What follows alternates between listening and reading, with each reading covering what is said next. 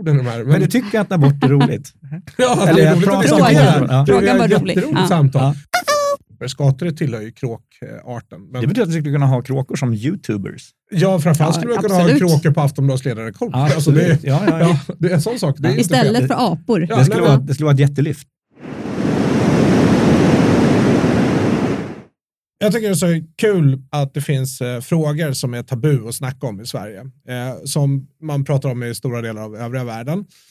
Förutom de delar där man inte får prata alls förstås. Och då tänker jag så här, abort, knark, dödsstraff, vapen, alla de här frågorna som, som, eh, eh, som många tycker ändå kanske är spännande och har en bestämd uppfattning om. Men, men en del av de här frågorna, som abort till exempel, har ju folk en bestämd uppfattning om utan att de har tänkt igenom varför de har Det var som är färdigdiskuterat för länge sedan. Det är Mm. ein Reich, ein Volk, ein Åsikt.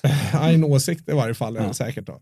Och det där tycker jag är intressant för att eh, om vi tar abortfrågan och dödsstraff till exempel som är tätt sammanlänkade så, eh, så, så omfattar de så många olika liksom, discipliner. För att eh, abortfrågan handlar ju både om, om liksom, någon typ av syn på när börjar livet, något filosofiskt plan, men också medicinskt plan och samtidigt som det finns liksom ett moraliskt plan och det finns en dynamik mellan ja, men så här, har kvinnans rätt eller föräldrarnas rätt till sin, sitt liv visavi barnets rätt till sin existens. Alltså det är så många saker som, som eh, berör och i stora delar av världen så är det här en het potatis. Och i Sverige så är potatisen ja, men färdigkokt. Liksom. Ja, Och Den har blivit kall. den har Ja, svalnat. den har svalnat rejält. Och det tycker jag är så synd, för att det här är en av de frågor Nu vill du mikra en kall potatis. Hur gott brukar det bli? där är Ja, men det är ändå det vi lite försöker med här. Vi försöker. Ja. Och, och det som är så kul tycker jag, det är att, eh, eller hemskt, det är att det här är en fråga som är genuint svår. Alltså det är, en- Ja. ja. Mm. det är en supersvår fråga. Eller, det är en fråga som borde vara svår, där vi borde kunna enas om att det kanske är den svåraste frågan av dem alla, men i Sverige beskrivs den som lätt. Den stora frågan Helt stora otroligt. Ja, visst är det det. Men Helt det beror på att det är smärtsamt. Dels finns det en jättestark uppfattning om hur det ska vara och de som har man säga, lite grann privilegiet att eh, styra debatten vågar inte riktigt ha en öppen debatt för de är rädda att människor ska komma till fel slutsats. Exakt. Man är rädd att folk kommer till fel slutsats. Och jag skulle direkt slå hål på den första grejen. För, och det här är lite jobbigt för att jag har ju suttit sån här efter åtta öldiskussioner med den här frågan. Mm. Och det kan bara misstolkas vad man säger. Så att jag, jag gör ett nytt försök nu att Suttit eller legat och haft den frågan efter åtta öl. Båda. Pass. äh, utan, eh, men, men det som, som, eh, som jag brukar säga, det är att det första är att eh, abort är ju genuint dåligt. Mm. För att grund, alltså premissen för en abort, det är ju att man har eh, på ett olyckligt sätt blivit befruktad. Alltså man vill inte ha. Alltså, så att, Men det är ett Nej. livskraftigt liv som växer. Ja, Som, du, det- som kommer bli ett liv och en människa en dag om inte du gör någonting åt saken. Exakt, så grundpremissen är ju att abort är oönskat, alltså per se. Mm. Men vill inte hamna i en situation att den frågan ens är på bordet. Det, är ju num- det måste ju vara nummer ett. Va? Ja. Och då tycker jag det är så konstigt att, att om, om det är ändå grundpremissen så är det väl konstigt att slutsatsen är att eh, abort är bra. Mm. Alltså, All för det abort. blir ju, Ja, ja, ja, för det blir ju och, helt fel. Ja, och det är ju intuitivt, alltså, eh, eftersom alla mina barn följer utländska, de har ju engelskspråkiga av olika anledningar eh, ganska tidigt, så de har i, från förskoleåldern liksom eh, följt med i kors och tvärs liksom, och tittat på YouTube. Så de eh, möter ju den här frågeställningen och tar upp den med mig. Och det är ju intuitivt så att, ja, att avsluta ett liv som precis har börjat in i en människas mage, man förstår att det är problematiskt. Det är liksom inget konstigt, utan det är det mest naturliga i världen att tycka, oj, här har vi något knep, här har vi någonting som vi inte vill. Sådär. Och så börjar man där och sen kommer en diskussion och så landar man i någonting. Så vi har haft den diskussionen eh, hemma, men jag ser den inte i totalt sett i det svenska samhället. Det Mer än, mer än som att de drar upp det att ja, i USA nu har det blivit helt åt helskotta, för nu har de, vilket i och för sig stämmer, för att när man eh, rev upp Roe and Wade så, så sprang alla delstat, eller många delstater sprang ju kors och tvärs åt helt olika håll. Så att eh, i det landet finns nu mera eh, ett antal abortlagstiftningar som jag är, tycker är befängda. Men du tänker på de här staterna hållen. som har gått på the heartbeat law? Är det den Nej, sorten? båda, båda hållen. Det finns Ja, ju, ja, du har ju också de som har där du... Där Up du until birth exakt. har du i vissa Ja, det, stater. det grövsta är det som kallas för partial birth abortion. Och det är ju en process, eh, alltså med risk för att det här kanske censureras då, eller borde, men det är ju att under förlossningen så borrar man ett hål i fostrets eh, huvud där man suger ut hjärnan. Eh, Oh. och det är ju en synnerligen eh, Mm. kontroversiell eh, behandling. Och det är, det, det är intressant, för jag brukar ta upp det när man säger så här, "Ah, abort är bra. All abort, ja. Så vad tycker du om partial, partial birth abortion? Så kallad PBA. PBA. Eh, och då blir det väldigt tyst i rummet. För så här, nej men så kan det inte vara. Nej, nej, det är inte så överallt. Men det har gjorts och det, är, en- det finns på bord som diskussionsfråga. Ja, Så fast det är inte det som har diskuterats i den svenska debatten i och med att man, Nej. då drog ner, eller alltså att man tog tillbaka Roe versus Wade. Utan det som kom i den svenska debatten där och då, det var ju att nu har man förbjudit abort i USA. Exakt. Det har så Ja. varit det narrativet som spred i svensk Det är inte en media. bred pensel, det är för Nej. med roller man drar över hela Exakt. skiten. När det enda som hände var att man sa att det här är inte federal lagstiftning. Nej. Det här är upp till varje stat. Om en stat vill ha up until birth så är de fria att ha det. Mm. Och vill en annan stat ha heartbeat law, alltså du vet att det, menar, du, när du hör eller du kan på något sätt förnimma ett hjärtljud, Det, det är bara då man, är det liksom ja, man stopp. lämnar över frågan till demokratin på en annan Exakt, på en demokrati annan nivå. rättssystem på, en, på en annan nivå, exakt. närmare människorna. Precis. Det är lite subsidiaritetsprincip som man kan vara Det är som EU. Ja. Vi har ju en lagstiftning i Sverige och England har en, Malta har en Men det Ja, knepiga- fast vänta, vänta, det där är intressant, för faktum är att eh, abortlagstiftningen, eh, för det, vi går ju mot ett EU-val nu, Mm. och abortlagstiftningen, när Lissabonavtalet trädde i kraft, då var ju det en het potatis, eh, apropå potatisar. Det är att eh, Irland, eh, de har ju en del, alltså där är ju aborten en väldigt het fråga om man Mm. jämför med övriga. Och om jag inte missminner mig så vart det här en stor superfråga där de liksom förhandlar till sig ett undantag från en kommande EU-lagstiftning i abortfrågan. Eh, för att man räknar iskallt med att EU kommer ta den här frågan och det tycker jag är intressant för att eh, i EU så har du ju eh, eh, väldigt mycket katolska länder och de har ju en väsentligt striktare syn på abort än vad vi har i Sverige Ja. generellt skulle jag säga. Absolut. Legio, ja, men liksom. som tittar på Malta. Det är som där det är Ja, förbjudet. och då är det så roligt för att då är det ju eh, en del, det, det är väldigt lätt att tänka att om man bor på Södermalm så är ju, ut, då är, det är lite som Rom, romarriket, att alla andra förhåller sig till Södermalm, Mm. Även det. de liksom Ja. nere i Ja. Italien och så här. Att Södermalm, man lyssnar ju gärna på vad som sägs där och skrivs där. Eh, som då inbillar sig att om man flyttar den här frågeställningen upp på EU-nivå så skulle svensk, eftersom Ja. vi vet Allt som i Sverige. Ja, ja. att Exakt. alla anammar vårat synsätt. Men det intressanta, och det här är ju Det var jätteintressant. också det som drev vänsterns glada liksom, Jobb marsch mot, Mot, den sociala pelaren. Ja. Ja. vi ska ha en social pelare. Ja. Då, blir, då kan vi sprida vårt fantastiska Mm. system i Sverige överallt. Och sen bara, hoppsan, eh, de vill ha minimilöner istället för eh, arbetsmarknadsparter och så här. Ja. Så det är en, exakt. Vi, vi, det, jag brukar kalla det för den svenska exceptionalismen. Ja. Där vi tror att alla, det, det, Alla varje vill person, ja, inne i Europa eller världen så bor det en liten, liten svensk Som bara- inom dem alla som bara Eh, exakt. väntar på att få komma ut. Den lilla smurfen. Ja. Ja. Det är lite så som en ved, du vet, när de drar av den. det, handlar bara, ja, bara om hur, hur, hur långt de har progressed i Exakt, sitt i sin steg upp svenskhet. mot den högsta livsformen, Mm. Södermalms svensk. Exakt. Och det är det tror jag också som gör att vi är så himla rädda för att kalla en kurd för en kurd eller Ja. en turk för en turk. Ja. För att om du gör det, då säger du att den inte är svensk. Och jag menar svensk, det vill vi ju alla vara. Så då är det liksom ett, något negativt att påstå att en kurd är en kurd. Och kurderna bara, men skärp er. Alltså vi är ju här i Sverige, absolut, men vi är kurder. Kan vi Ja. sluta Och prata dessutom- om det? dessutom det så- hänger ihop. Ja, och dessutom så kallar ju de som inte betraktas som etniska svenskar, kallar ju svenskar för svenskar. Mm. Därför att det skiljer sig från hur de ser på sig själva.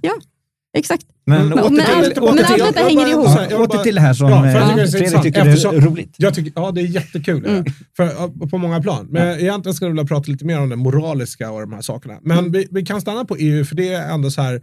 Många unga i Sverige idag kommer ju gå till sitt första EU-val. Eh, och de flesta har fan ingen aning om vad det betyder. Eh, och ska Inte helt bara de unga. De flesta Nej, jag kommer tyvärr nej, jag- jag inte gå precis heller. outa och säga så här, jag tycker det där är lite rörigt eh, med EU-val och tycker att det är stökigt. Jag skulle säga inte ens ledarskribenter följer den europeiska nivån på euro, europeisk politik på europeisk nivå. Hur Nej. ska då Nej. vanligt folk, än mindre unga människor, kunna... Det är därför. EU-parlamentet borde läggas ner. Men om man, om man då är krass då säger så här, om man nu oavsett, för vi kommer ju säkert dissekera svensk eh, abortlagstiftning lite grann här och diskutera den, så kan man ju säga att om man inte vill att eh, vi ska få en katolsk abortlagstiftning i EU så bör man vara väldigt försiktig med att rösta på ett så kallat EU-vänligt parti eftersom de kategoriskt, vare sig det är Moderaterna, Socialdemokraterna eller lib Liberalerna säkert värst, det är ju att det är ju, finns ju ingen situation där den här abortfrågan inte kommer närmare och närmare. Och om, det, jag ska inte säga att den kommer vara på bordet under den här kommande mandatperioden. Men det är helt klart så att man driver i en riktning att den här kommer komma på bordet. Det finns ja. liksom ja. inget sånt Att vi ska ha en gemensam ja. EU-lagstiftning. Svenska partier, eh, svenska partiföreträdare i mm. Europa eh, tenderar ju att ha den här glad valp vifta på svansen synen på implementering ja, av EU-regler. Långt, vi, vi tar det hela paketet och sväljer det utan att blinka medan man stretar emot på 15 olika nivåer i andra länder. Ja, ja. Så, Nej, så är det. Tack och lov. Ja. Ja, ja, vi får vara glada för det i Sverige, att vi finns några i andra länder som faktiskt stretar emot ja, här, för vi gör inte det. Fast det hjälper ju inte när vi dunkar på ett eh, överimplementera vapendirektiv eller sådana saker. Då då hjälper det inte att Italien inte gör det. Liksom, för att vi nej, slår nej, oss själva i huvudet hjälpa. med idiotisk lagstiftning. Det kanske liksom lång, ja, gör processen aningens långsammare. Men nu kommer vi bort från ja, det ja. roliga ja, abortskojet. Ja, ja, det abortskojet. ja. Nej, men för jag tycker det är intressant om vems, vems rättigheter som trumfar vems. Alltså, ja. För det, är så här, nu, det, och det är så lätt att man hamnar i någon form av amerikansk retorik eftersom där är den här frågan så levande i Sverige en tvärdöd. Mm. Vet ni ens vad, vad vår abortlagstiftning, alltså vad den säger? Har ni koll på det? Eller? Relativt väl, ja. Johan, vet du? Ja, jag vet att det är, är det tolfte veckan eller sånt där. Nej, Nej, Nej. vecka 18. Vecka 18. Fri ja. ja det, är, vänta, det är just det, det är eh, fri abort till vecka 18 ja. och Norge har några veckor tajtare. Mm de allra, allra flesta länder har betydligt tajtare ja. lagstiftning än vad ja, Sverige har. Det, 12 veckor är ganska vanligt ska jag säga, ja. inom EU. Alltså det är så typiskt att säga det här okunniga rummet. Ja, eller hur? Nej, jag kan inte exakt, men Nej. jag vet det. Men du kan, fort, du kan göra abort efter vecka 18 också, men exakt. då ska du ha Socialstyrelsens godkännande. Ja, det är lite olika problem. Det, så här, det slutgiltiga, det som politiken förlitar sig på, det är den medicinska bedömningen. Att vid vilken vecka är eh, ett foster livskraftigt? Ja. Och då tittar man på utifrån vad liksom den medicinska forskningen, när skulle man kunna plocka ut av fostret och att det funkar? Mm. Och, och, jag vet inte exakt vad det är nu, men det är typ vecka 25 24. eller 24. Det finns foster i vecka 24 som ja, har överlevt. Ja, då är det nog där som är den slutgiltiga. Vad är förhållande? Att de kommer ut och eh, självförsörjande? Att de nej, kan, ta, att de tar enkla jobb? De kan betala skatt direkt. ja, ja, men alltså, nej, utan, men att man, liksom, att man med den medicinska eh, teknik man har idag kan mm. liksom hjälpa. Det är lite intressant. För att med hänsyn till hur snabbt medicinen går framåt ah, ja. så skulle mm. inte jag få när vi kan rädda barn i vecka 12 om 10 år. Alltså det vore ju ingen... Och då någonstans så har vi ju tassat så långt att vi kommer behöva angripa den moraliska frågan. Och det är därför jag tycker det är så påpassligt ja. att vi kan förekomma medicinen, att vara lite före. Eh. men så var det faktiskt från början. Då pratade man om ett respektavstånd, det vill säga att vi kanske kunde då rädda barn säger vi vecka 26. Ja. Okej, men då vill vi inte ha bort i vecka 25, utan det ska finnas ett respektavstånd mellan mm. där man då kan överleva som foster i, utanför livmodern ja. och där vi då tillåter abort. Att men det respektav... hålla sig ifrån respektavståndet ja. är numera faktiskt helt eliminerat. Det finns inte kvar. Jag vill komplettera med lite fakta ut här. Så att det här är den sista liksom, eh, ändhållplatsen. Sen finns det då eh, olika så här markers här emellan. En, det, det, finns ju det man kallar för liksom fri abort och det är nog fram till vecka 18. Ja, fram till vecka 18. Mm. Sen kan det finnas då medicinska skäl under ett antal veckor eller rättsliga skäl som föranleder till exempel att barnet eh, förväntas vara gravt sjuk, eh, ja. tror jag. Eh, då, eller risk för moderns hälsa Eh, tror jag. Sen har du, precis, mm. då, då är det ytterligare ett antal veckor på alla dem. Även ja, om, men även om barnet till exempel har vissa funktionsnedsättningar som du faktiskt skulle kunna leva med. Ja, du ser. Där är vi, då är vi på mm. Då börjar det bli mm. riktigt och jobbigt. Har och då kommer vi från de här PKU-testerna och de här mm. testerna där, man ska, där folk ska få reda på om deras barn har ett en risk för... Kubtesterna. Kub. Ja, det är ju ja. framförallt äldre kvinnor som ja. ska... Som har ja, men det är liksom du, typ 30 plus nästan, så får du, du kan ju i stort sett göra de här testerna. Så om jag ska föda, då jag kan få göra kubtest om jag skulle eh, få barn i min livfader. Hur långt är du gången? Ja, precis. Ja, vi vill gärna veta, Fredrik. så känns det, det som att det är väldigt nära. Är det cickatterna eller är det? Ja, det ja. känns... Nej, men alltså, jag, jag fick göra ett sådant kubtest när min son eh, föddes 2014 och då var jag alltså 34 när jag var gravid med honom. Du ser. Så att, eh, nej men det erbjuds ju. Men, men det är klart, du får inte reda på om ditt barn har Downs, utan du får en, någon slags siffra på det är en på risken är 10 000 större och en på mindre. 100 eller sådär saker. Ja. Det är bara en risk. Ja. Men, men du får ju också möjligheten om du vill då att göra ett fostervattensprov. Och Men om du föder ett barn med Downs syndrom så är det fullt livsdugligt. Men vad är principen då? Alltså så här, för jag, jag tycker eh, eh, en bra, en bra start, startpunkt här är så här, när, när får man någon rätt, rättighet alls? För att så här, när vi pratar Mm. rättigheter så är det en, liksom, det är ju inte så här, och du föds, vi har rättigheter. Vi Ja. har ju väldigt diffust där. För att Mm. du får ju vissa rättigheter, sen blir du lite äldre, får du lite mer rättigheter. Ja. Men du har ett 15 antal vid födseln. Ja, det, Men du, Ska man kunna abortera någon ända tills de får gå på systemet? Ja, eller typ köra så? tung motorcykel eller... Precis. Ja. Som Magnus Betnér sa, vadå, 20, vet du, 18 veckor, fyra år tycker jag är rimligt. Nej, Alltså, ja. Men, men är, är, det, inte- är det inte så här att det man måste, innan man ger sig in i debatten om abort i Sverige, det är därför jag liksom eh, har backat ur lite grann, det är att eh, man måste först säga att jag står upp för den svenska, det är typ, jag är inte rasist men, eller Ja, exakt, jag, jag står upp för, den svenska, abort- abortlagstiftningen. och, och jag, det, jag, tyck, tycker att den är hyggligt välavvägd, men att den, att den av det skälet som eh, du framför, Linda, behöver ses över ibland. Skälet till att jag tycker vi ska diskutera abort, det är ju eh, det du beskriver, att, eh, Fredrik, här, att eh, utvecklingen hamnar ju någonstans där de här frågorna ställs på en spets igen. Och om Igen. vi då inte har tränat vår abortfunderingsmuskel i ett kvarts sekel, då blir det ju som Vilket vi vanligt. inte har. Nej, då Nej. blir det som vanligt när ett stort beslut ska fattas i Sverige. Att då, då tycker allt, sossarna, Vi lämnar det till EU. Nej, men sossarna har alltid tyckt på ett visst sätt och sen kommer de på det de har pratat skit om i eh, 25 år, om det är EU eller om det är NATO. NATO, eller om det är eh, abort, Migration. Kortare, ja, Mm. migration och kortare abort. Plötsligt så vänder de kapporna så det bara fladdrar till. Och sen kommer man besluta om en ny, om en ny Det, det kommer abortlag. inte ens fladdra.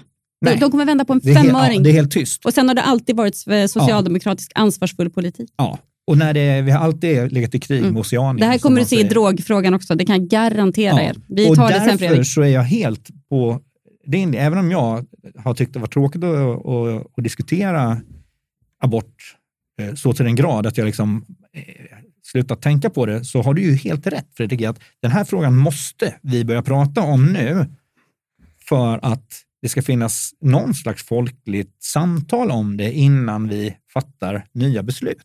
Ja, det, och för, alltså, på frågan så här, kommer den medicinska utvecklingen att komma framåt? Så kan man Eh, ju säga, det är ju det låt oss är ju en anta det. Ja, Låt så oss det anta det. får man så att, Och I och med att den har det. Ja, alltså och sen så otroligt mycket. till, för jag menar det att man gör ju liksom, man eh, odlar kött i laboratorier, man klonar får och det vi gör Ja. alla möjliga hokus pokus grejer liksom. Alltså att kunna rädda ett foster som är i vecka 12. Ja. Alltså det kommer ju inte vara raketforskning på sikt. Det, det kommer vi garanterat att lösa Eller med tanke på att, att vi klarar liksom vecka 24 idag och det är ju inte så länge sedan, det var kanske, kanske vecka 30. Sen tror jag en sak som har påverkat det här, om, ni, om vi spolar tillbaka så långt, så var det så att eh, barn som föddes med olika handikapp, inklusive Downs syndrom, stuvades undan, om vi går långt tillbaka. Och i, görs fortfarande i många länder ja, idag. Ja, absolut. Eh, I Sverige... Inte så, alla barn, inte de med socialistisk ådra. Nej, precis. Precis. Men jag har, jag har eh, eh, glädjen, ska jag säga, att ha eh, Downs människor omkring mig. Jag har haft i, i, i lite olika sammanhang, bland annat en, en släkting som bodde hos oss ganska mycket eftersom hans syster eh, var väldigt svårt i leukemi. Så jag hade ett, typ som en extra brorsa ett tag, som är 10-11 år yngre än mig, eh, med Downs syndrom. Eh, och sen har jag lite andra, ja, haft det ganska nära mig. Eh, och jag tycker att, att det är också så att ju mer man umgås med människor med funktionshinder, desto mindre känner man det här eh, avståndstagandet och behov, och sånt här ska vi inte ha i samhället. Du menar funktionsvarierade? Ja, förlåt, nu så var jag ju- nu sa jag ett ord. det här är ju PK-podden Jag säger också. handikappade, Ja. förståndshandikappade. Eh, Det brukar vara eh, efterblivna i det populära ordet. And dampbarnen. live. Ja, och, och för mig, som, där den, just den här släktingen är ju den personen i världen som är mest lik mig, nästan. Oj, han kom med en Eh, Han har också, precis, alla så- era Så bokstavskombinationer. jag känner, ju en, jag känner ju en extrem närhet till en människa. Nu har man inte kontakt så mycket när man växer upp med några av sina släktingar eller så. Det blir ju sådär, men jag har ju hela min uppväxt känt en väldigt närhet till en person som hade sorterats bort i en annan värld. med Eh, andra- Sannolikt, ja precis. Ja. Ja. Eh, Och då blir ju den här frågan moraliskt laddad med ett lager till, Mm. om man säger så. Men det, får jag bara slänga den här? För att här det, ja, det, det, det där är intressant. Alltså, jag kan se likheterna. Eller hur? Ja, men eh, jag tänker att just det här med sortera bort, det där tycker jag är ett spännande område. För att vi hade ju, eh, nu, nu får någon historiker kliva fram, men vi hade ju tvångssteriliseringarnas tid Mm. i Sverige. Eh, och det, det, nu är det en fördom, men jag är helt säker på att Socialdemokraterna har ett finger med i spelet här. Det är definitivt korrekt. Ja, ja. Ja. Så att de, och det här tror jag många unga känner till, för man pratar inte så högt om de här smutsiga delarna av historien. Men när man Som- mätte så- skallarna och den här delen. Ja, rasbiologin som är också sossarna, de var ju före Hitler med det där. Oh ja, Eh, långt så vi hade innan. Rasbiologiskt institut var ju en förebild för Adolf. Eh, och det var ju inte, ja, det var, ja. Sossarna på rätt sida av historien. Sida, sorry. Jag blev Nationalsocialism. faktiskt skallmätt när vi skulle till, eh, till eh, det nya badhuset i Växjö var det väl. Vi skulle egentligen åka till Borås djurpark Jaha, i, i, två, i, i tvåan, men jag sa att jag... Han men, skulle hem till sina vänner. men jag då hade jag tydligen sagt till min lärarvikarien som vi hade hela tvåan att då, då ah, vad kul, då ska jag hoppa in till Lejonen. Eh, och det sa hon till mina föräldrar på eh, kvartssamtalet att jag, vi hade tänkt åka till Borås djurpark, men Johan han säger att han ska hoppa in till Lejonen. Tror ni att han gör det? eh, och Och det gjorde han. ledde, det ledde till att Det vi, ser det på och att vi, åkte, vi åkte till Växjö istället, eh, till deras ny, nybyggda badhus. Och där gick badvaktmästaren med en tumstock och mätte våra huvuden och överläppar. Och överläpparna. Ja, Oj. men jag trodde ju då att det här är någonting på riktigt, men han drev ju med oss. Han ska, det måste vara ett visst avstånd mellan näsan och munnen, annars får man inte bada här. Jaha. Och alla åttaåringar bara Åh ställde sig och drog i överläppen. Oj. Kom, och precis, så jag, vi jag, har kommer varit med, drunkna annars. ja, jag har varit med om riktig skallmätning Men- i Växjö men vad- 1978. Hur, men var är aborten? Var är den? Nej, men det är för Den att vi kommer till det här med bortsållningen av människor. Ja, jag vet inte den, om man skulle, om man skulle bli aborterad. eh, Om du hade men- blivit men- aborterad Men eller man fick inte. i alla fall inte bada om man hade Nej. fel mått mellan Så näsan och... En viktig fråga då för framtida abortlagstiftning det är att man kanske redan på foster i magen ska kunna mäta Mäta- läppavståndet. För det Precis. är, Om du frågar en badvaktmästare i Växjö på... då, Men de, är ärlighetens namn så gör man ju lite det när man kollar. Det finns ju såna här rutinultraljud som görs i vecka 18 där man kollar en del saker. Ja. Där man då kan bli fråga om en abort sen om man hittar något fel på ryggrad. Ja. Där kollar du ju till exempel om man har sån här läpper, käk, gom, Är det någon får såna Anna, vad heter hon? Anna. Anka, alltså stora läppar. Då, Ja, ja, det är då, de. de är Ja. kvar, men annars inte. Nej, men alltså, vad var det för kriterier? För, alltså, för? Det var väl, utgångspunkten var att vissa ska inte skaffa barn. Nej. Visst var det så? Det var Det var inte så kognitiv Man vill, man funktionsnedsättning. vill eh, få bort eh, svagt genetiskt material ur folkstammen. Det var det som var Så sossarnas... det. Svagbegåvade var det väl ganska mycket. Ja, precis. Ja, det var ju framför allt eh, den sorten, men det var nog även, alltså, man vill inte heller ha folk med klumpfot eller sådär. Så, med ren rasighet som var Ja, social. fast man ska inte heller eh, efterhandskonstruera någonting Nej, elakare jag än vad det var. Men. Ja. men som jag förstår det så handlar det om att man vill att alla ska kunna bidra liksom, och att eh, folk som... Det blir bättre i Sverige om, om den genomsnittliga svensken är, är, är bättre i huvudet och i kroppen. Liksom. Så det var ju väl... Det finns ju en, ska man säga, En Ibermensch fast Ja. inte så Iber, utan bara inte Ja, under bara mensch. människa. Men som, som allt Mm. så finns det en, en underliggande välvilja. Man ville göra någonting bra, men man hade inte klart för, man såg kanske inte hur man tassar in på någonting som är ganska obehagligt. Men eh, okej, och då För att för man, inte, man kanske det inte hade någon moralisk diskussion. Även på den Nej, tiden nej. kanske det Men- saknades. Nej, men det är det jag menar. Och för att föra in det på aborten. För det är ju det när man då säger att vissa foster med vissa eh, Ja, defekter av olika defekter, Ja. då är det ordet. Och Mm. Det är skönt Ja. om man inte kan säga funktionshindrad, men Ja. defekter, det, Defekter kan vi säga. det kan vi säga. Då känns Ja, det, då det defektfoster, det Nej, tror jag man då, får säga. Då väljer man ju bort här under vissa. Jag kan inte premisserna, ska jag meddela erkänna. Men det är ju samma princip. Ja. Det är exakt samma principer Ja. Som liksom ligger där. Och så pratar man om allas lika värde och det är massa fluff. Som numera är utsträckt även till kycklingar. Det här, sådär djurens vänner, eh, och, ja, någon slags nu är aktivister. det tassat på min organisation, Ja, men, så nu får någon, försiktig. någon som hade varit på, tittat på ett eh, kycklingkläckeri eh, var väldigt kritisk till att eh, hur kycklingar av vissa kön eller med vissa egenskaper Visst, behandlades. hur många har vi? Kyckling, vi har väl bara ett jättestort nästan kvar. Kycklingkön, ja nej men... Nej, men nej, man men plockar- hur många Man- kycklingkön men- vi exakt. har? Ja, vi hade bara det. två där eller? Nej, det är 28. det var 28. Men, ja, det är Nej. 28. Man plockar ju bort hankycklingarna, gör man. Ja, ja, precis. De Men blir hur- liksom ja. inte hönor av de Men det är som kan ganska föda intressant barn. att, att det är en väldigt vänsterorienterad rörelse, djurrättsrörelsen. Tack. Det är intressant hur de eh, i, st i stor utsträckning eh, tillerkänner alltså sådana djur vi äter nästan mer rättigheter än ett mänskligt foster. kan, jag kan förklara det. Ja, gör det. Ja, vill att vi ska ta den? För att den Ta den, för den, är väl, den, har väl en, den hänger väl ihop med det du pratar om. Det här hänger absolut ihop. Ja. Det här har ju att göra med värde eh, så, och inte bara monetärt. Men som ett exempel, jag ska, vi ska hoppa lite sidan. Mm. Eh, har ni läst om kråkprojektet i Södertälje? Där man har fått kråkor att om de åker och hämtar fimpar och droppar i Ja, maskin just så får de. Mm, då får man godis. Ja. Ja. Och då har det visat sig, kråkor är ju jävligt smarta. Ja. Man, de smartaste kråkgrupperna kan motsvara ett De började röka själva för att få till mycket fimpar. Exakt, Ja. exakt. Det var alla möjliga sorters fimpar i Södertälje. Kråkor, man säger då att man kan uppnå ett intellekt om en tioåring på en kråka. Mm.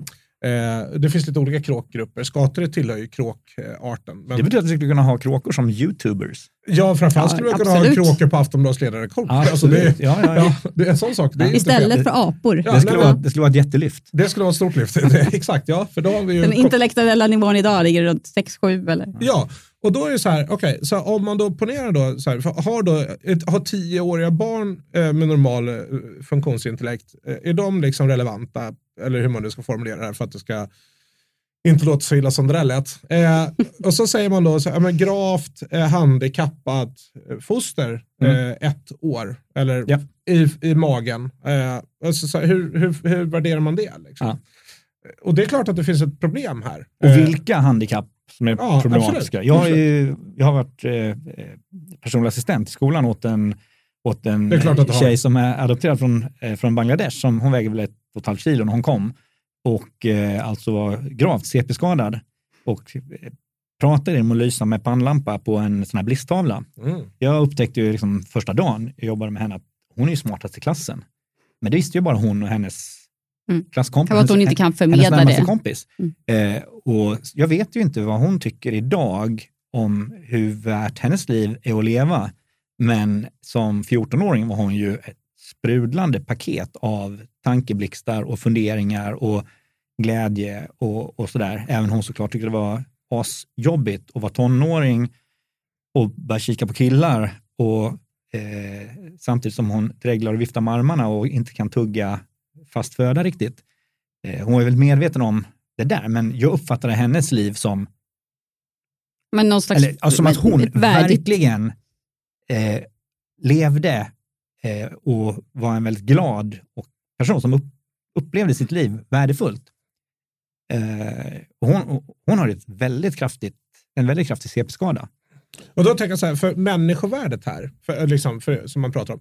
För eh, hårdrar man det, i varje fall eh, amerikanskt, jag är inte expert på den irländska diskussionen, men man brukar ändå säga att liksom, abortmotståndare är ju lite mer den högra falangen. Ja, det, det är konservativa såklart. Ja, lite mer konservativa. Medan dödsstraff i, i slutet på livet är det tvärtom. Mm. Ja, då växlar det där. Ja. Det är superintressant och det kommer vi kanske behöva prata så småningom om. Jag Ja. vill säga, för det känns som aborten, den skulle vi kunna prata om flera veckor. Så vi Ja, får ja. se om vi kan Ja. Och, men i USA döden. måste man också lägga på det religiösa rastret. Alltså vi får tänka Ja, på att det USA är ett höger. otroligt religiöst land om du jämför med sekulära Sverige. Så där är det här en religiös fråga i, i mångt och mycket.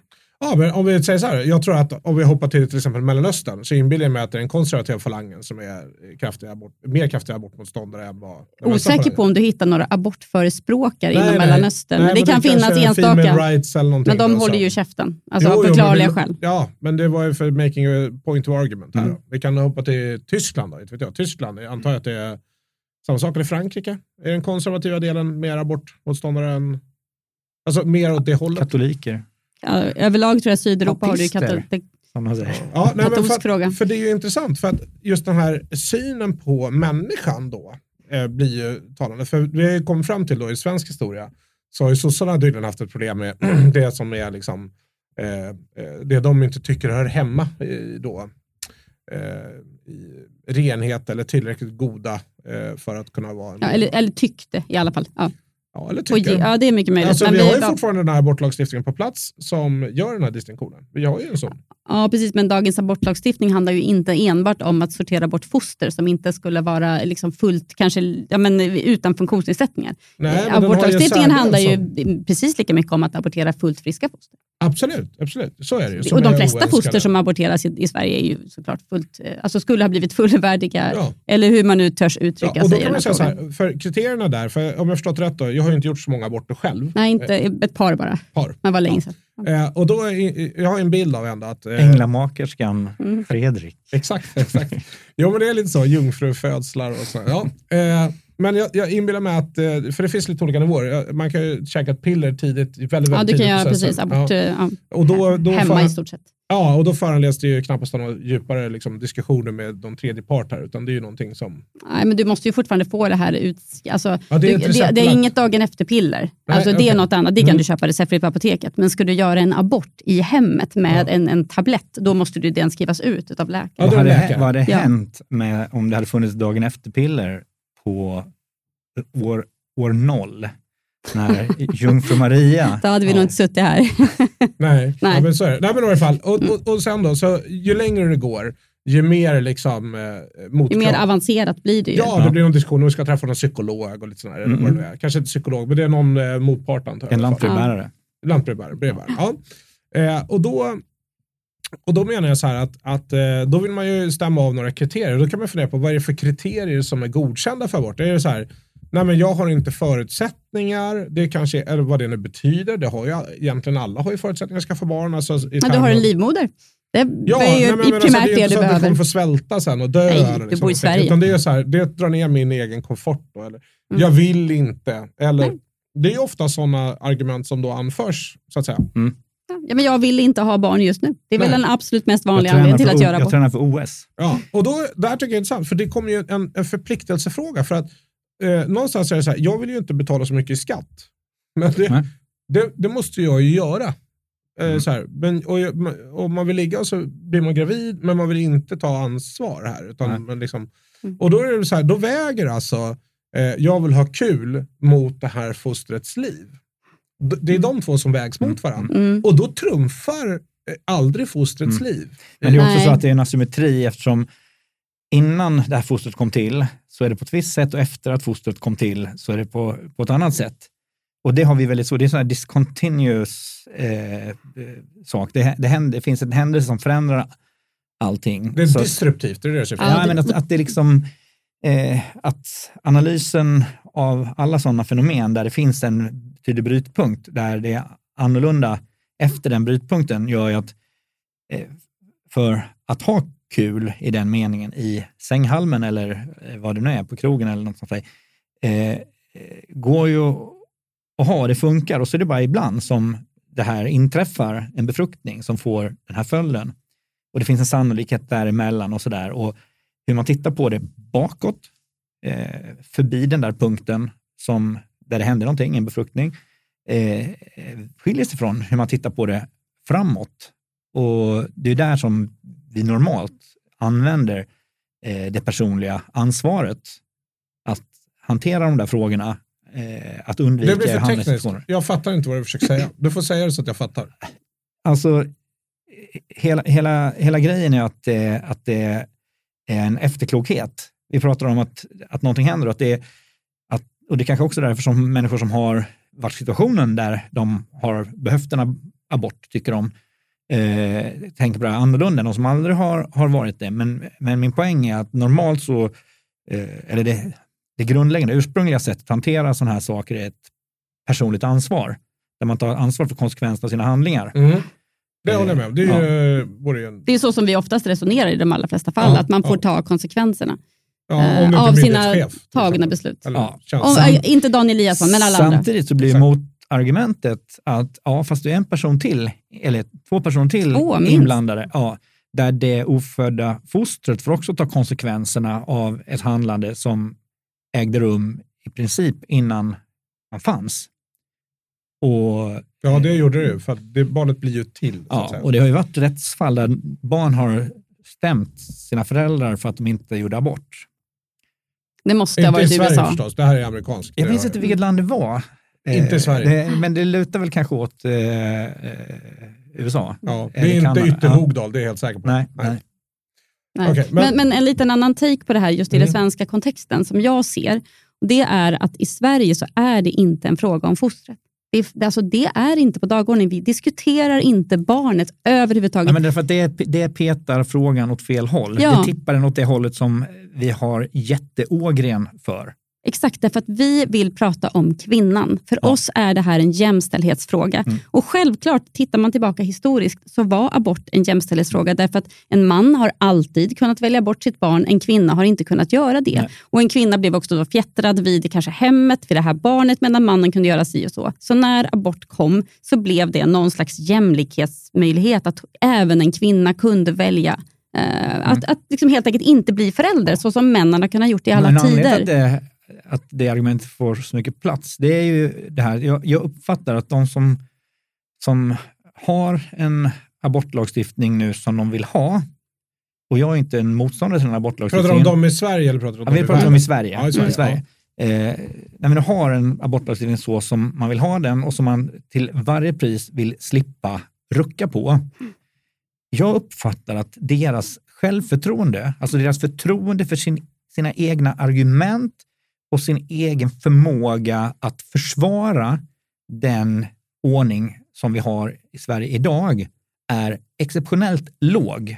Ja, för vi har De inte pratat om det, vi har inte Ja, övat på argumenten någon av oss. Inte, de vill inte ens öppna den lådan. Men jag Nej. säger att ja, men jag vill också ha det ungefär som vi har idag. Inte för att jag tycker aborter är bra, men därför att det finns förfärliga, eh, i praktiken förfärliga konsekvenser av att eh, strama åt eh, abortreglerna för hårt. Det får jobbiga konsekvenser. Och jag förstår de som argumenterar med att det inte räcker som argument, men det gör att jag är, är rätt okej med hur vi har det i Sverige idag. Om, det kommer, om man ändrar så det som i Norge, eller om det ändras lite åt andra hållet, I'm fine. Liksom. Eh, men de som verkligen brinner för att det ska vara exakt så som det är idag, de är livrädda för att frågan överhuvudtaget diskuteras. Och för mig signalerar det en... Det är som att de har någonting fult de vill gömma. De är inte beredda att argumentera för detta. De tror inte att deras argument håller. De eh, tror att egentligen, om vi börjar prata om detta, så hamnar vi i någonting mycket tuffare. Ja, men det är för att all, gränsen mellan så som vi har det idag, det är alltid att då blir det ju som det är i USA eller så Ja. blir det som det är i, på Malta eller i, Polen. Sydamerika. Det Eller, exakt, det, blir alltid, det, är antingen, det är alltid antingen eller. Vi kan Ja. aldrig hitta någon slags middle grounds, någon slags rimlighet i mitten. Nej. Utan det är liksom, antingen är det Sverige och det är det bra, Ja. eller så är det som något annat Eller så fruktansvärt land. Och det är antingen USA eller tredje världen. Ja. eller Tredje världen. Och då, och då använder man det här fruktansvärda liksom, tekniken i det här och det är att kasta kvinnohat på alla Ja. som överhuvudtaget vill ens gräva i ordet abortfråga. Det som gillar, det som kommer- gillar ofödda barn hatar kvinnor. Exakt. Och då- då- Och jag tycker det är så ful debattteknik att Ja. använda det här. Men ja, nej, du vill alltså liksom, titta på svensk abortlagstiftning. Du är kvinnohatare. Punkt Ja, men slut. jag undrar, har de rätt? Är det så att Nej. om debatten skulle komma upp, att de skulle förlora den debatten och den svenska demokratin skulle avskaffa den aborträtt vi har idag och tajta till den, inte bara till en norsk nivå utan ännu längre tillbaka och göra oss Ja, som det är fara för kvinnans eller barnets liv. Den typen som Ja, du ser i väldigt, väldigt många länder. Är det så? Eller borde Nej. de kunna ha lite mer självförtroende? De som försvarar den, Helt den abortlagstiftning på. som jag tycker är okej men också. jag, det, jag är inte så säker här. Men först vill jag bara slänga, jag bara, det finns en ironi här. Det är ju att så här, kvinnans rätt, kvinnans kropp, kvinnans bla bla. Mm. Och sen föds barnet, då är Och det- det, då bara, barnet, alltså Ja, nu har vi inga rättigheter. Jag tror du skulle säga kvinnans rätt, men om barnet är en flicka, Ja, då är det nej. ju en liten kvinna. Ja, nej, utan mest här, för sen så fort de föds, då är det så här, barnens rätt, barnen har rätt, barnen har rätt till allt. Ja, och då är det barnen barnkonventionen. Ja, barn, ja. elevrådet trumfar rektorn och det är liksom hela, det är bara cirkusen drar igång. Och då helt plötsligt så kovänder det. Jag tycker det är så fascinerande. Men vi det där- pratar bara kvinnans Men rätt i Sverige när det, gäller det här. Återigen, befruktning är en sån punkt där saker pivots på något sätt. Mm. Och födseln en annan sån punkt som, eh, och vi har väldigt svårt att prata om det, eh, varför det är så och hur det är så och vad vi kan lära oss av det. Så. Ja, och då är det liksom så här, då får ju inte kvinnan eller mannen eller vem det än är, men ta så här som man får misshandla sitt foster hur mycket du vill så länge det är i magen. Men sen Mm. när det föds då är det så här barnaga. Men du får dricka Ja, sprit faktiskt. innan. Men du får inte, Ja. liksom, för det är ju det är misshandel. Ja. Alltså, Nej, för fostret är faktiskt ingen egen juridisk individ som Nej. kan ha alltså, Nej. rättsliga nej, det rättigheter. har inte det förrän det föds. Men i vecka 36, om du går ut och dricker sprit så är det ju misshandel. Alltså Ja. tokdricker och så tar lite snort lite Men om någon och så. annan sätter en kniv i dig och liksom skadar fostret så kommer den personen inte kunna dömas för att den har skadat fostret. Ja, är det In- så? ja, Ja, I svensk lagstiftning är det så. Men där, där Det är ju skulle man, lustigt. eh, Eller det är det inte alls, Undrar om det finns något bra sätt att trolla det där. Jag har ju, eh, när vi börsnoterade ett bolag så hade jag en ett och ett halvt åring hemma som var tvungen att maras, som det heter. Han behövde registreras, alla hans innehav. Kan inte, han, hans innehav bestod ju av kissiga blöjor. Liksom. Ja. Eh, eh, men han skulle ändå, han gick, jag vet jag satt och fyllde i papperslapparna eh, på köksbordet medan han var ute och klafsade i, i han smet ut naken, eller klädd i blöja, var han ute och klafsade i snöslask på altanen. Och så satt jag där och fyllde i hans personnummer och skulle anmäla honom till Finansinspektionen, för han var tvungen att vara marad. Liksom. Mm. Om man skulle försöka få med vänstern på att man måste mara foster, då skulle ju, för det måste man göra för att man inte ska kunna eh, snå åt sig saker i, i, i börsnoteringar och sådär. Då skulle man kunna Mhm. lura in dem på ett läge när de plötsligt har gett foster en juridisk Mm. Status. Vad säger ni om det? Ja, jag säger ingenting om det.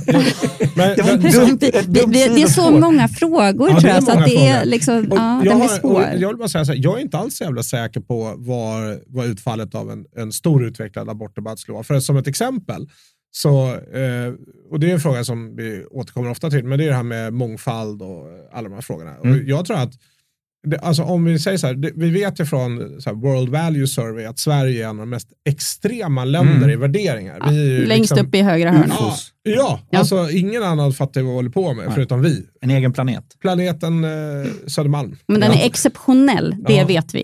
Ja. Eh, Du ska få ett liten inblick i, jag tycker egentligen inte du ska säga så, jag tycker du ska säga Åsö. För ön Ah, heter okej. Åsö det, Södermalm är stadsdelen. Just det. Så det är Åsö. Åsö För Reimersholm ingår i Södermalm, fast det är en egen ö. Exakt. Så Långholmen, det är samma Åsö, sak. som det, för då Reimersholm tror jag inte att de bor på. Det Nej. tror jag inte. Nej, det var ett sidospår. Eh, Men det, Det blir var, ofta det. Ja, det andra var ju det här med, med de, alla de här då, människorna som kommer helt uppenbart då, från mindre eh, eh, kulturer som kanske har en annat synsätt på den här typen av frågeställningar. Och det är ju, Sverige har ju fyllt på med en ohygglig massa människor som Mm. har andra värderingar. Mm. Och skulle det liksom dyka upp en sån här debatt, då skulle jag säga att om man nu säger så här att eh, den klassiska Hamas-anhängaren å ena sidan är ju en, en klassisk socialdemokrat, liksom, eller på Mm. den sidan. Men- Utom kanske just här och ett Exakt, antal andra sådana Är Är det så frågor. att partiet Nyans som vågmästare skulle kunna förändra svensk abort? Ja, då säger det kaboom skulle jag vilja påstå. Men är det inte så att borgerligheten är så pass, eh, backar upp? Men det är klart, om, Ja, till och med Kristdemokraterna har ju vänt i den här om frågan, i alla om fall att få utåt sett. makten så kanske det är ett köttben man är beredd att ge till, jag vet inte. Ja. Nej, det, jag säger frågeställningen är inte helt eh, Nej, trivial. nej. Sen är det dessutom så att eh, den har varit så tam själva diskussionen. Mm. Att, eh, att, att disk eftersom diskussionen inte får föras så är folk alldeles vilsna. Jag tror inte folk har tänkt igenom det. För Nej. varje gång jag träffar någon sån här vanlig, för jag tycker ju den här frågan är så spännande, så Ja. jag har ju tänkt en del på det här. Eh, och det märkliga är att jag, jag blir nog eh, mindre säker på vad jag tycker ju Ja. mer jag diskuterar frågan. Exakt. Så, Exakt Det är det. ganska Ja, ja. ofta det är så, så. för jag är inte alls så här... Så det slutar ändå med att vi väljer lag och sen slåss vi Det och slåss i vi. sociala Ja. medier. Absolut. Nej, men alltså, för mig är den inte så glasklar. Nej. Men det som är glasklart för mig är att det är väldigt få av de som jag träffar, när man börjar nysta i den här, Japp. som faktiskt är rotade i sin åsikt. Utan Mm. de, de som är mest rotade, om jag får säga så, Ja. Det är ju, framförallt så är det ju de som har en religiös övertygelse. De är ju rotade, för de har ju liksom Ja. hittat ett facit som Ja. trumfar. Ju mindre man har satt sig in i frågan, desto säkrare är man på vad man tycker. Mm. Ja, men lite så. frågan. Så, ska Ja. jag säga. Ja. så religiöst har ett facit. Och sen har du ju då, som jag kallar de här radikal eh, feministerna, Mm. som också har ett facit. Och det är ju att allt kvinnan, kvinnan har alltid rätt. Ja. Alltså det har ju ingenting med de här analyserna Så länge hon är född. En ofödd Ja, kvinna har absolut, inte... Absolut. Nej. Så det, det är de två som, som har. Och sen är det som du säger, då, okunskap föder en övertygelse om att Ja. vad det nu än är man tycker så är det Ja. rätt. Va? Och det är ganska lätt att falla tillbaka på att ja, men vi har en lagstiftning och man tycker att ja, men för mig har det lirat. inte så att, liksom. att man... Och den är feg dessutom eftersom man överlåter ansvaret på medicinska Ja, ja. professionen. Så att vi, så här, vi är överens om att vi inte ska ta ansvar. Det, är andra det har vi pratat om, att det är andra sidan rätt positivt att lyssna på professionen. Ja, fast det här är ju inte en fråga Nej, som det är här är enbart en- medicinskt. Det här är ju, Nej, men det är klart. den- det, är moral. ja, men det samma, ja, men det, discipliner. ja, men det är samma sak som med klimatfrågan. Att eh, man, man ska lyssna på professionen om de naturvetenskapliga frågorna, men hur man politiskt sen ställer sig är en fråga som handlar om, som är mycket större, och som handlar om resurser och, och människors liv eh, och sådär. Och Mm. Samma sak är det ju med, med abortfrågan, att ja, men, det finns en massa naturvetenskapliga saker som vi behöver fråga professionen om, men sen så blir det ett ställningstagande på en annan nivå som i grunden är politiskt, etiskt Det, det är mycket etik och moral i Ja, den. det är ju egentligen Ja, det är men- samma men- sak. I, i, det här är ju klimat och, och klimatfrågan och abortfrågan Nej, jag tycker lika inte på det de två är lika. De är väldigt lika. Jag kan Nej, jag förklara, tycker men jag tänker inte göra det, för nu vill jag höra fortsättningen. Nej, men, det- nej, men det, det, jag inte om det är så mycket fortsättning som att det här är en fråga som, som kommer, den kommer aktualiseras, Mm. det kommer vara sprängkraft. Det finns en jätteintressant politisk skiljelinje mellan då den här konservativa, Mm. vi kallar det för det. Jag vet inte om Men det här är inte en typisk vänster-höger-fråga Nej, idag. Det är inte inte. den Nej, liksom, nej, linjen som vi nej. kan mäta det här på. Ni vet att Kina har skärpt sin, sina abortlagar. men det är ganska- kanske lite annan bevekelsegrund. Helt andra. De, ni vet, Kan vi nog anta, ja. Ettbarnspolitiken avskaffades ju 2016. Mm. Det är ganska ny, nyss. Ja. Ja, den tonades ner eh, under ett antal år. Och De, sen så de upptäckte sina demografiska utmaningar. Exakt. Nu har man ju alltså 30 miljoner män i giftas vuxen ålder som är överskottspersoner i De, precis, de i kan det. alltså inte reproducera för det finns Nej. inte kvinnor så att det och, räcker. och man är nere också på, jag tror man var på 0,68. Så Det finns en- Enorm möjlighet för sexindustrin. Ja. Enorm. Ja. Nej, men det, det, eh, det här är underrapporterat på många sätt. Peter Sagan skriver ju mycket om demografi och så i sina, sina böcker, eh, framförallt i den här The End of the World is just the beginning, som, som den heter. Då går han igenom sådär. Men jag såg nu att eh, Jojje Olsson som skriver för Timbro, som jag nämnt tidigare, han har skrivit en jättebra artikel om, om Kinas demografi och, och det problemet. Och jag tror det var där som det, han, han nämnde att de har skruvat åt de försöker göra alla, ja, ta till alla medel nu för att få upp Få upp barnafödslet. födelsetalen. Men de Ja. går bara ner och ner istället. Och jag tror det var så, var det 0,68 eller något sånt där? Eh, medan man egentligen behöver... Oj, du menar på, på per par? 0,68 per par? ja, då? Så man, man behöver upp på 2,1 för att... Nej, Det är väl per person va? Eller är det per par? Man brukar räkna per par. Man Ja, jag måste brukar, Ja, jag- att man får 2,1 barn per familj. Jag blev störd, jag blev att vi- störd när jag läste det. Men det, det var ändå, de är i alla fall långt under Mm. replacement-nivån. liksom. Eh, och, Så att det här eh, demografiska problemet Ja. som är påbörjat Ja. med den här stora åldrande, är, ja, det, det kommer bara eskalera. Ja, och deras arbetskraft började krympa redan 2012. Mm. Som är he- hela... Och ändå så har de så hög arbetslöshet bland unga. Det är ju helt fascinerande. du kan kombinera ja. de här två. Och sen är det, finns det en annan effekt som de in, kanske inte hade räknat med, som är, som är det som förklarar eh, att födelsetalen går ner i, i länder som inte haft ettbarnspolitik. och Så det är att när barn, och det här är väl egentligen Peter Sejans eh, analys, då, att, eh, när du bor på landet, då är varje barn en nettoinkomst. Det kostar inte så mycket att stoppa en unge i en bankbädd intill den andra ungen. I värsta fall får man liksom spika upp lite plankor och lägga plåttak på så att man får plats med några ungar till. Men de är arbetskraft. De är gratis arbetskraft I jordbruk i och den självförsörjande jordbruks Mm. eh, och så här liksom, Mm. och låg, eh, lågmekaniserat. De kan jordbruk. tillverka mer än de Ja, äter. men så sker det urbanisering och så eh, bor det i alla länder som inte har en sån här eh, väldigt udda lösning för boendet. I Sverige bor vi väldigt stort, men i alla andra länder så eh, innebär urbanisering att man bor i väldigt små lägenheter. Mm. Där är plötsligt skaffa barn en, ett, en nettokostnad. En det- enorm belastning. Mm. Plus att då såklart i urbaniseringen så ligger ju också det här att eh, kvinnans eh, inträde på arbetsmarknaden och så vidare. Och det går inte att...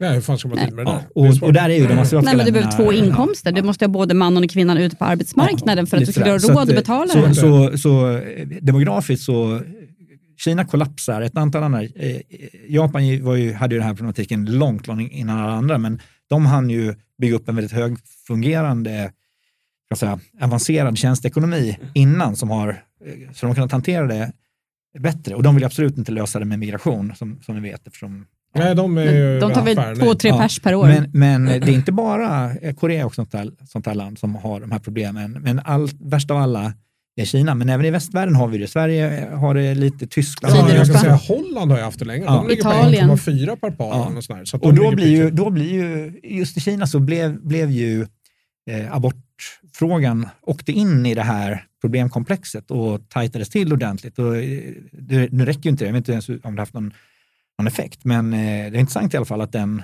kommer upp där och frågan är om den kommer, den aspekten kommer att spela roll även i västvärlden när vi förhåller oss till aborter. Att det, Jättebra frågeställning. Och det är, för att i USA då, så de har ju de har netto plus i födelsetal. Mm. Eh, trots att de kanske inte har de här superavancerade nej, inte, De ligger på inte, 2,1 per ja, fast det är väl, är inte det medräknat migration? Nej, det tror jag faktiskt inte att det är. Så. Ja, men då är- Födelsetalen borde inte kunna Då är det ha med det att göra. antagligen så att det är, för det jag har förstått så är det det som håller eh, den amerikanska arbetskraften uppe är migration och att eh, hispanics har högre födelsetal. Ja, för jag tänkte säga, jag nämna en poäng där, just om du tar födelsetalen. För att Mm.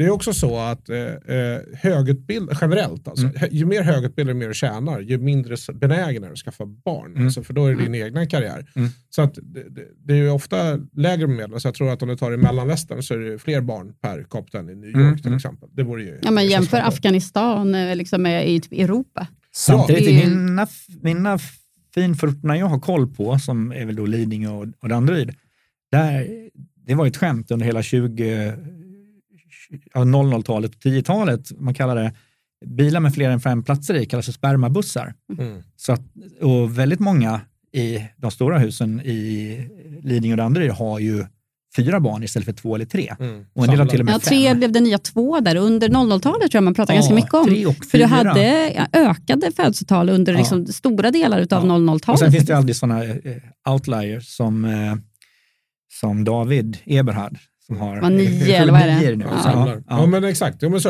Men, Vilket jag inte har, har nå- någonting emot. Jag Ja, vi- vi- vill gärna se fler små David Vi lä- Eberhard ja, av båda könen. vi lämnar det demografiska. Ja, Det finns en frågeställning i aborten här som jag, jag vill tillbaka. ja. Har mannen någonting att säga till om? Mm, det fanns ju en... Inte juridiskt i Sverige idag, nej. Nej, det fanns, ju, det ha fanns ju en motion på Medborgerlig Samlings stämma här i tidigare i år eh, om så kallad juridisk abort. Att en eh, pappa, man ska kalla det, eller den som Mm. har bidragit med de manliga könscellerna, eh, skulle ha rätt att eh, genomföra en juridisk abort, ekonomisk, alltså Mm. Men den, den, sitt- den ger ju egentligen inte mannen rättighet att få behålla sitt barn. Den ger mannen Nej. i sådana fall, nu gick inte den här igenom så vi Nej. kanske ska säga Mm. det på en gång, men den Ja. skulle ge mannen samma rättigheter som kvinnan att avsluta en graviditet. De skulle vara på samma lika villkor. Nej, men juridiskt va? Inte Nej, jag tror, jag tror att det handlar om så här, om mannen vill ha en abort och inte får det, så Mm. får de i alla fall den juridiska aborten. Exakt. Nämligen att man slipper Nej, så sitt han, kan inte, föräldraskap. han kan inte bestämma att kvinnan ska göra abort, Nej. men han kan alltså från sitt eget perspektiv Ja. avsluta sin del av Ja. det. Det är 50-50, det är två personer som Men- skaffar barn, men han skulle i sådana fall kunna avsluta sin del av det. Och det där kan ses som en, troll, ja, det där kan ses som en trollning eller som ett seriöst förslag eller som en katalysator för att diskutera abort På ett utanför de vanliga ramarna. Liksom. Mm. Och egentligen så skulle jag vilja att det här, det här om det fortfarande fanns eh, program i radio, tv och så vidare, där man faktiskt pratar om samhällsfrågor i lite längre format, så är det här en fråga som jag skulle vilja höra Mm. och se diskuteras av människor med väldigt olika ideologiska bakgrund, men där man använder de här olika exemplen för att utmana positionerna Mm. och Jag, jag vill utmana dig redan nu. Ja. för att eh, du sa ju här innan att liksom, eh, nej men det här med att det, eh, nu använder jag inte dina ord, men liksom den här disruptiva förändringen och ånger över att så här, det var Hey Baberiba och det var krogen och det blev sängen, ja, du blev gravid. ja. Ja. och sen har kvinnan då ångervecka här, kallar Ja. det för, lite, lite slapphänt. Det där är för lite gammalt, för det folk träffas inte på krogen och pippar längre. Nej förstått, men Tinder, Tinder Tinderbarn, kan vi Tinderbarn. ersätta Okej, krogen. Fair enough, det spelar ingen roll. Men varför ska bara kvinnan ha ångervecka för? Alltså den får ånger och den sitter på mandatet. Mm. Mannen har ju ingen ångervecka. Nej. Den får skörda hela ansvaret här. Och är då jäm... Hela ansvaret, verkligen. Nej, men hela... 50 Bär man procent. barnet, Nej, ammar man det. Nej, men f- den får bära hela, alltså den får, den har, eh, den får skörda hela sin konsekvens. Den konsekvensen det är för mannen. Det finns ingen out.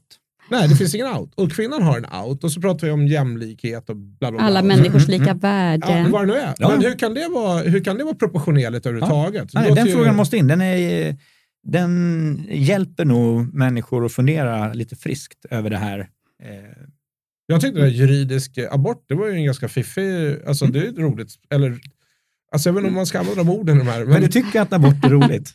ja, eller det är roligt att diskutera. Ja. Frågan var rolig. Ja. samtal. Ja. Nej, men jag tycker att det är problematiskt. Jag tycker det är en spänstig och, Ja. eh, och produktiv grej att stoppa in i diskussionen, helt bortsett från om det är något som man vill ha eller inte ha till slut. Det väcker funderingar och angriper frågan på ett sätt som belyser där det inte belyses normalt. Ja, och den belyser för en gångs skull i det här samhället mäns rättigheter. Ja. Det är inte någonting Ja. som vi tar i våra munnar särskilt ofta Sen- i Sverige. Ja, men sen kommer jag tillbaka, jag tycker ju att, att jag vill inte att vi ska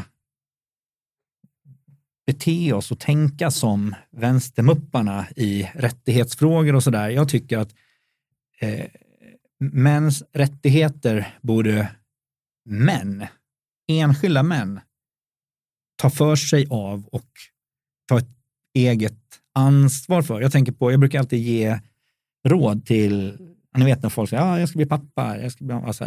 eh, Jag brukar alltid ge rådet, okej, nu har du chansen att ta för dig här. Eh, du vet att du ligger efter så det smäller om det. Hon, den där tjejmänniskan som du lever med, hon har det här barnet i magen i nio månader. Hon bär omkring på det, känner väldigt nära till det, hon föder det och normalt sett så är det hon som ger det mat och sådär i början. Du är så långt efter så du hajar inte. Det är liksom disaster. Ja, det är lite Världens- uppförsbacke. Ja, och då finns världens lifehack. Det är att säga direkt att okej, jag gjorde det här med mina två sista. Är jag mindre än kilometer härifrån när det kommer det där bruna gegget i blöjan, då är den min. Du vågar inte byta en blöja när jag har kort väg hit. Alla bajsblöjor är mina. Alla. Och det är ett sätt att kräva sin rätt som man har inte jättemycket motstånd kan jag säga. Nej, Det är inte så att det du- blir, den- ah, vänta lite, jag ska minsann ha hälften av... Nej, ingen behöver höra det. Och det som händer, det är att du varje dag, ett par, tre gånger i ditt barns första två och ett halvt år, brottas med den här lilla parven och måste samspel. Ni vet hur det är. Ja, har- ni har barn, det så ni har är- haft Vi har alla Ja, provat. ni har haft ryggbajs och sådana här grejer. Ja, Nu, ja. nu visar min yngste att det finns blöjor med en liten ficka på som fångar ryggbajset så det inte glider upp på ryggen. Nej, finns det jag, ja, sånt? jag Jag önskar det fanns när mina jag, var tror- små. Ja, jag tror inte den tekniska lösningen är hundraprocentig, men eh, Troligtvis inte. Men, ja, Mm. Ni vet, det är liksom, och det kan komma en kissstråle och sådana saker. Det kräver ett sabla samspel, det är som en dans. Liksom. Och så är det också en enorm skillnad på en unge som är två veckor, en unge som är två år. Men den skillnaden är ju inte från en dag till en annan, utan det är en sån här mikroskopisk liten förändring i hur barnet funkar från två veckor till två år som bildar den här jätte...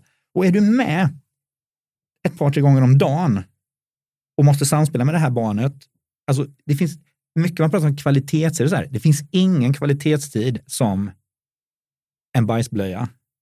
Det, jag är helt säker på att det finns annan Ja, jag känner också ändå att det kan ändå göra det. Inte en lika stark kvalitetstid. För det som händer är att du måste ha ögonkontakt, du måste etablera kontakt, du måste samspela och det är, det kanske finns människor som inte tycker bajs är äckligt, men tycker man bajs bara är lite äckligt så blir man förbannat noga med att slippa få bajs överallt på sig själv Ja. eller på skötbord och så här. Och det gör att man har ett superincitament för att verkligen samarbeta. Och det är magiskt hur, vilken kontakt det skapar med ett barn och samarbete kring det.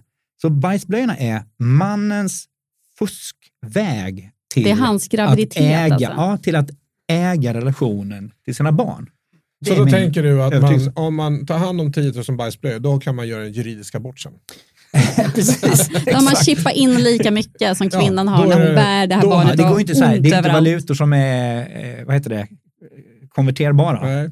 Eh, men, men jag tror att det är, eh, det är den bäst använda tiden som man överhuvudtaget kan ta som far till ett barn. Du vill uppmana sven, eh, män till att inte försöka eh, strida för sin juridiska abort utan att Nej. istället liksom men jag, embrace jag, the fact. var, jag har gjort det, jag har gjort det i, i, i tio år. Alla som säger att jag ska bli pappa, då får de ett grattis och sen kommer det eh, Ett paket blöjor, ett kort. Ett direktmeddelande Ja. eh, utom synhåll från omgivningen. Du, Men utifrån det perspektivet, ta, kräv alla bajsblöjor. Ja. Det är grejen. jag kan bara säga så här, utifrån det här perspektivet så känns det som att man borde strama åt abortlagstiftningen. För det har aldrig varit så lätt att vara pappas nu. För jag menar, förr i världen då hade de ju tygblöjor som skulle Ja. tvättas och så här. Nej, Nu är det värsta De hade, de hade räkmackan. gummibyxor. Ja. Gummibyxor, Ja, förstår det du? Fast jag annat. tror det som verkligen skulle vara en eh, game changer, eh, det är om det fanns något eh, power tool, någon motordriven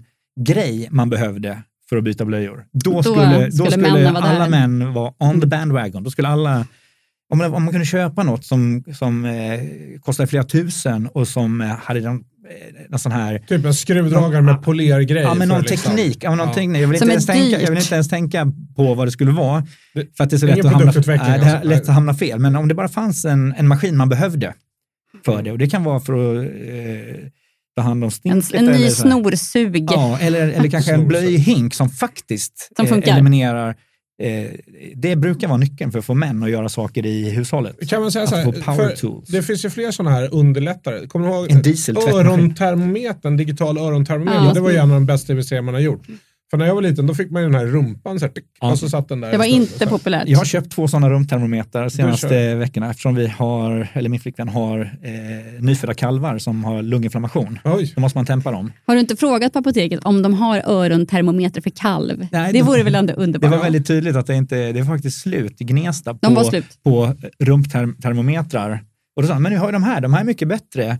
Är du snål eller? Kan du inte, om du kan betala 150 spänn för en sån här, jag kan du betala 600 spänn för en, en Brown eh, Super 2000. Och så här, men nej, vi har inget bra ställe på kalvarna, vi kan stoppa en eh, sån infraröd. är De har för stora öron kanske. Ja, utan jag Men- behöver en rumptermometer, det- så det var bara att åka vidare till För- Södertälje. För kineserna under covid, de hade ju när de satte i pannan och blippa. Ja. Men, Ja, ja, men du kan ju ta tempen på. Ja, jättemånga men sån har jag, sån har jag eftersom, Har du eh, sån? ja, men sån har jag, eftersom den använder man eh, för att mäta däckstemperaturen när man kör racerbil och karting. Ah. Man skjuter så här liksom en eh, IR-grej och så får man en avläsning. Ja, men då får man bara yttemperaturen. Proffsen har ju en, en som man sticker in lite, för det är egentligen det viktigt hur... Och så känner på pannbenet typ. eller? Nej, jag, Ja, det är jag tänkte- jag- jag däcket pratar vi om nu. Det är däck. ändå Varland. Eh, Ja. Det är däck, så, att, eh, så det jag skulle vilja se, eh, vi fick, vi, jag flög mycket under pandemin och första flighten var ju till eh, via UAE till Colombo i Sri Lanka. Och det var slående hur otroligt proffsigt de hanterade det här i, i Sri Lanka, som är egentligen ett, ett extremt, på många sätt extremt efterblivet land.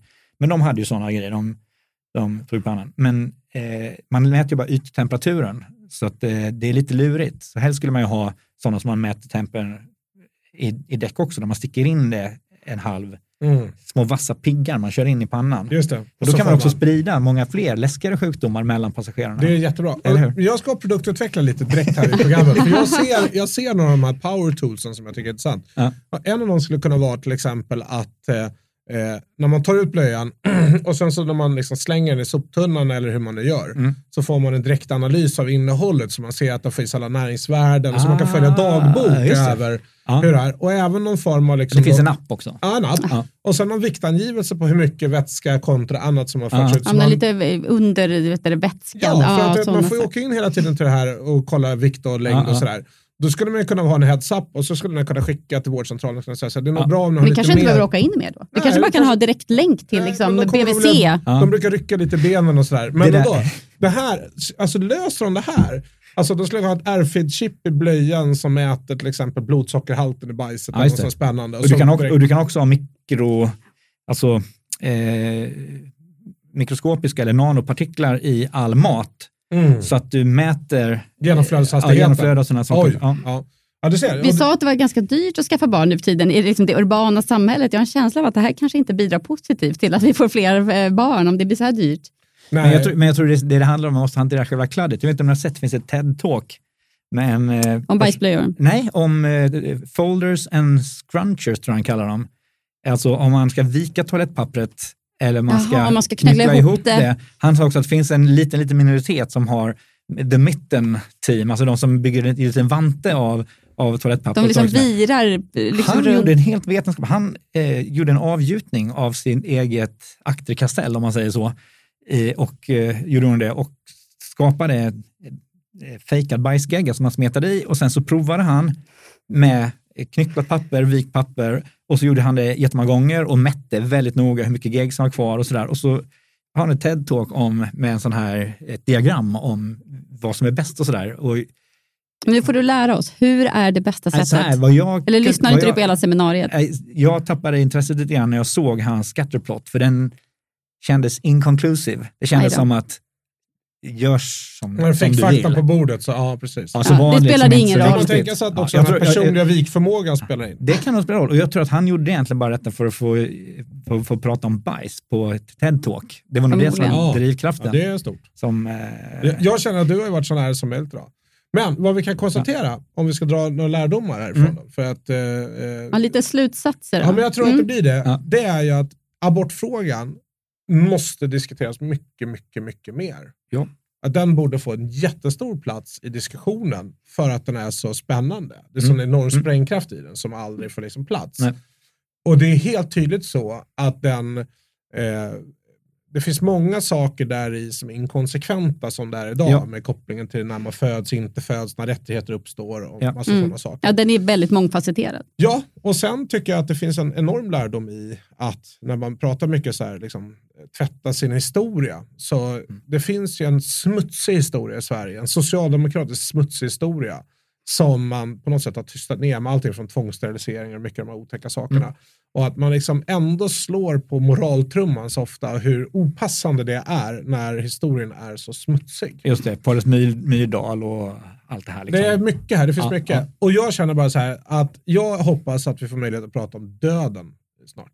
Jag vill prata om döden. All Ja, du börjar liksom där, där livet uppstår. Ja, Så. men vi måste prata om döden. Och, och de sakerna hänger verkligen ihop. Det, har, verkligen. det har gått bort lite folk runt omkring mig de senaste åren. ja. Och jag inser att jag inte förstår mig på döden, varit väldigt frustrerad över det.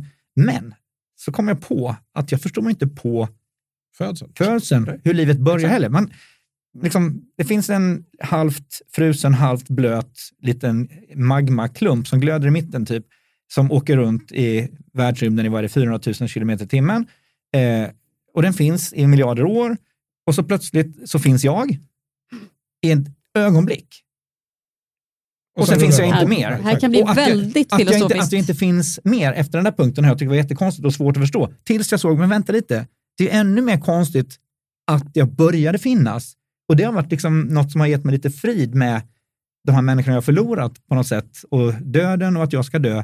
Att inse det att, I mean, det sitter inte fast i andra änden heller. Vill man höra Johan prata om döden, då måste Det man vill man. framåt. Jag tycker vi ska prata både om döden och eh, jag hoppas att vi i det svenska liksom, eh, klimatet, eller det samtalsklimatet också kan börja prata om abortfrågan. Och att vi kanske kan sluta prata om det här med kvinnohatet och istället bara den här enkla grejen att det finns en befruktning, det finns en förlossning och så finns det väldigt många veckor däremellan och vi måste vara så pass öppna att vi kan förstå att olika personer har olika åsikter om vad de här veckorna landar i utan att vi börjar hata och, Ja. och liksom dra de här fula korten Prata ur. utan eh, argumentationsfel. Ja, exakt. Vi, vi måste försöka förstå Ja. varandra. Vi Ja. behöver inte kasta skit och epitet på varandra för att vi kanske har Nej. olika åsikter i den här Nej. frågan. För det är den mest svåra gränsdragningsfrågan som människan ställs inför Ja. när livet uppstår. Det och när man ska knäcka första bärsen. Med det tycker jag vi rundar Men det är av. alltid fredag.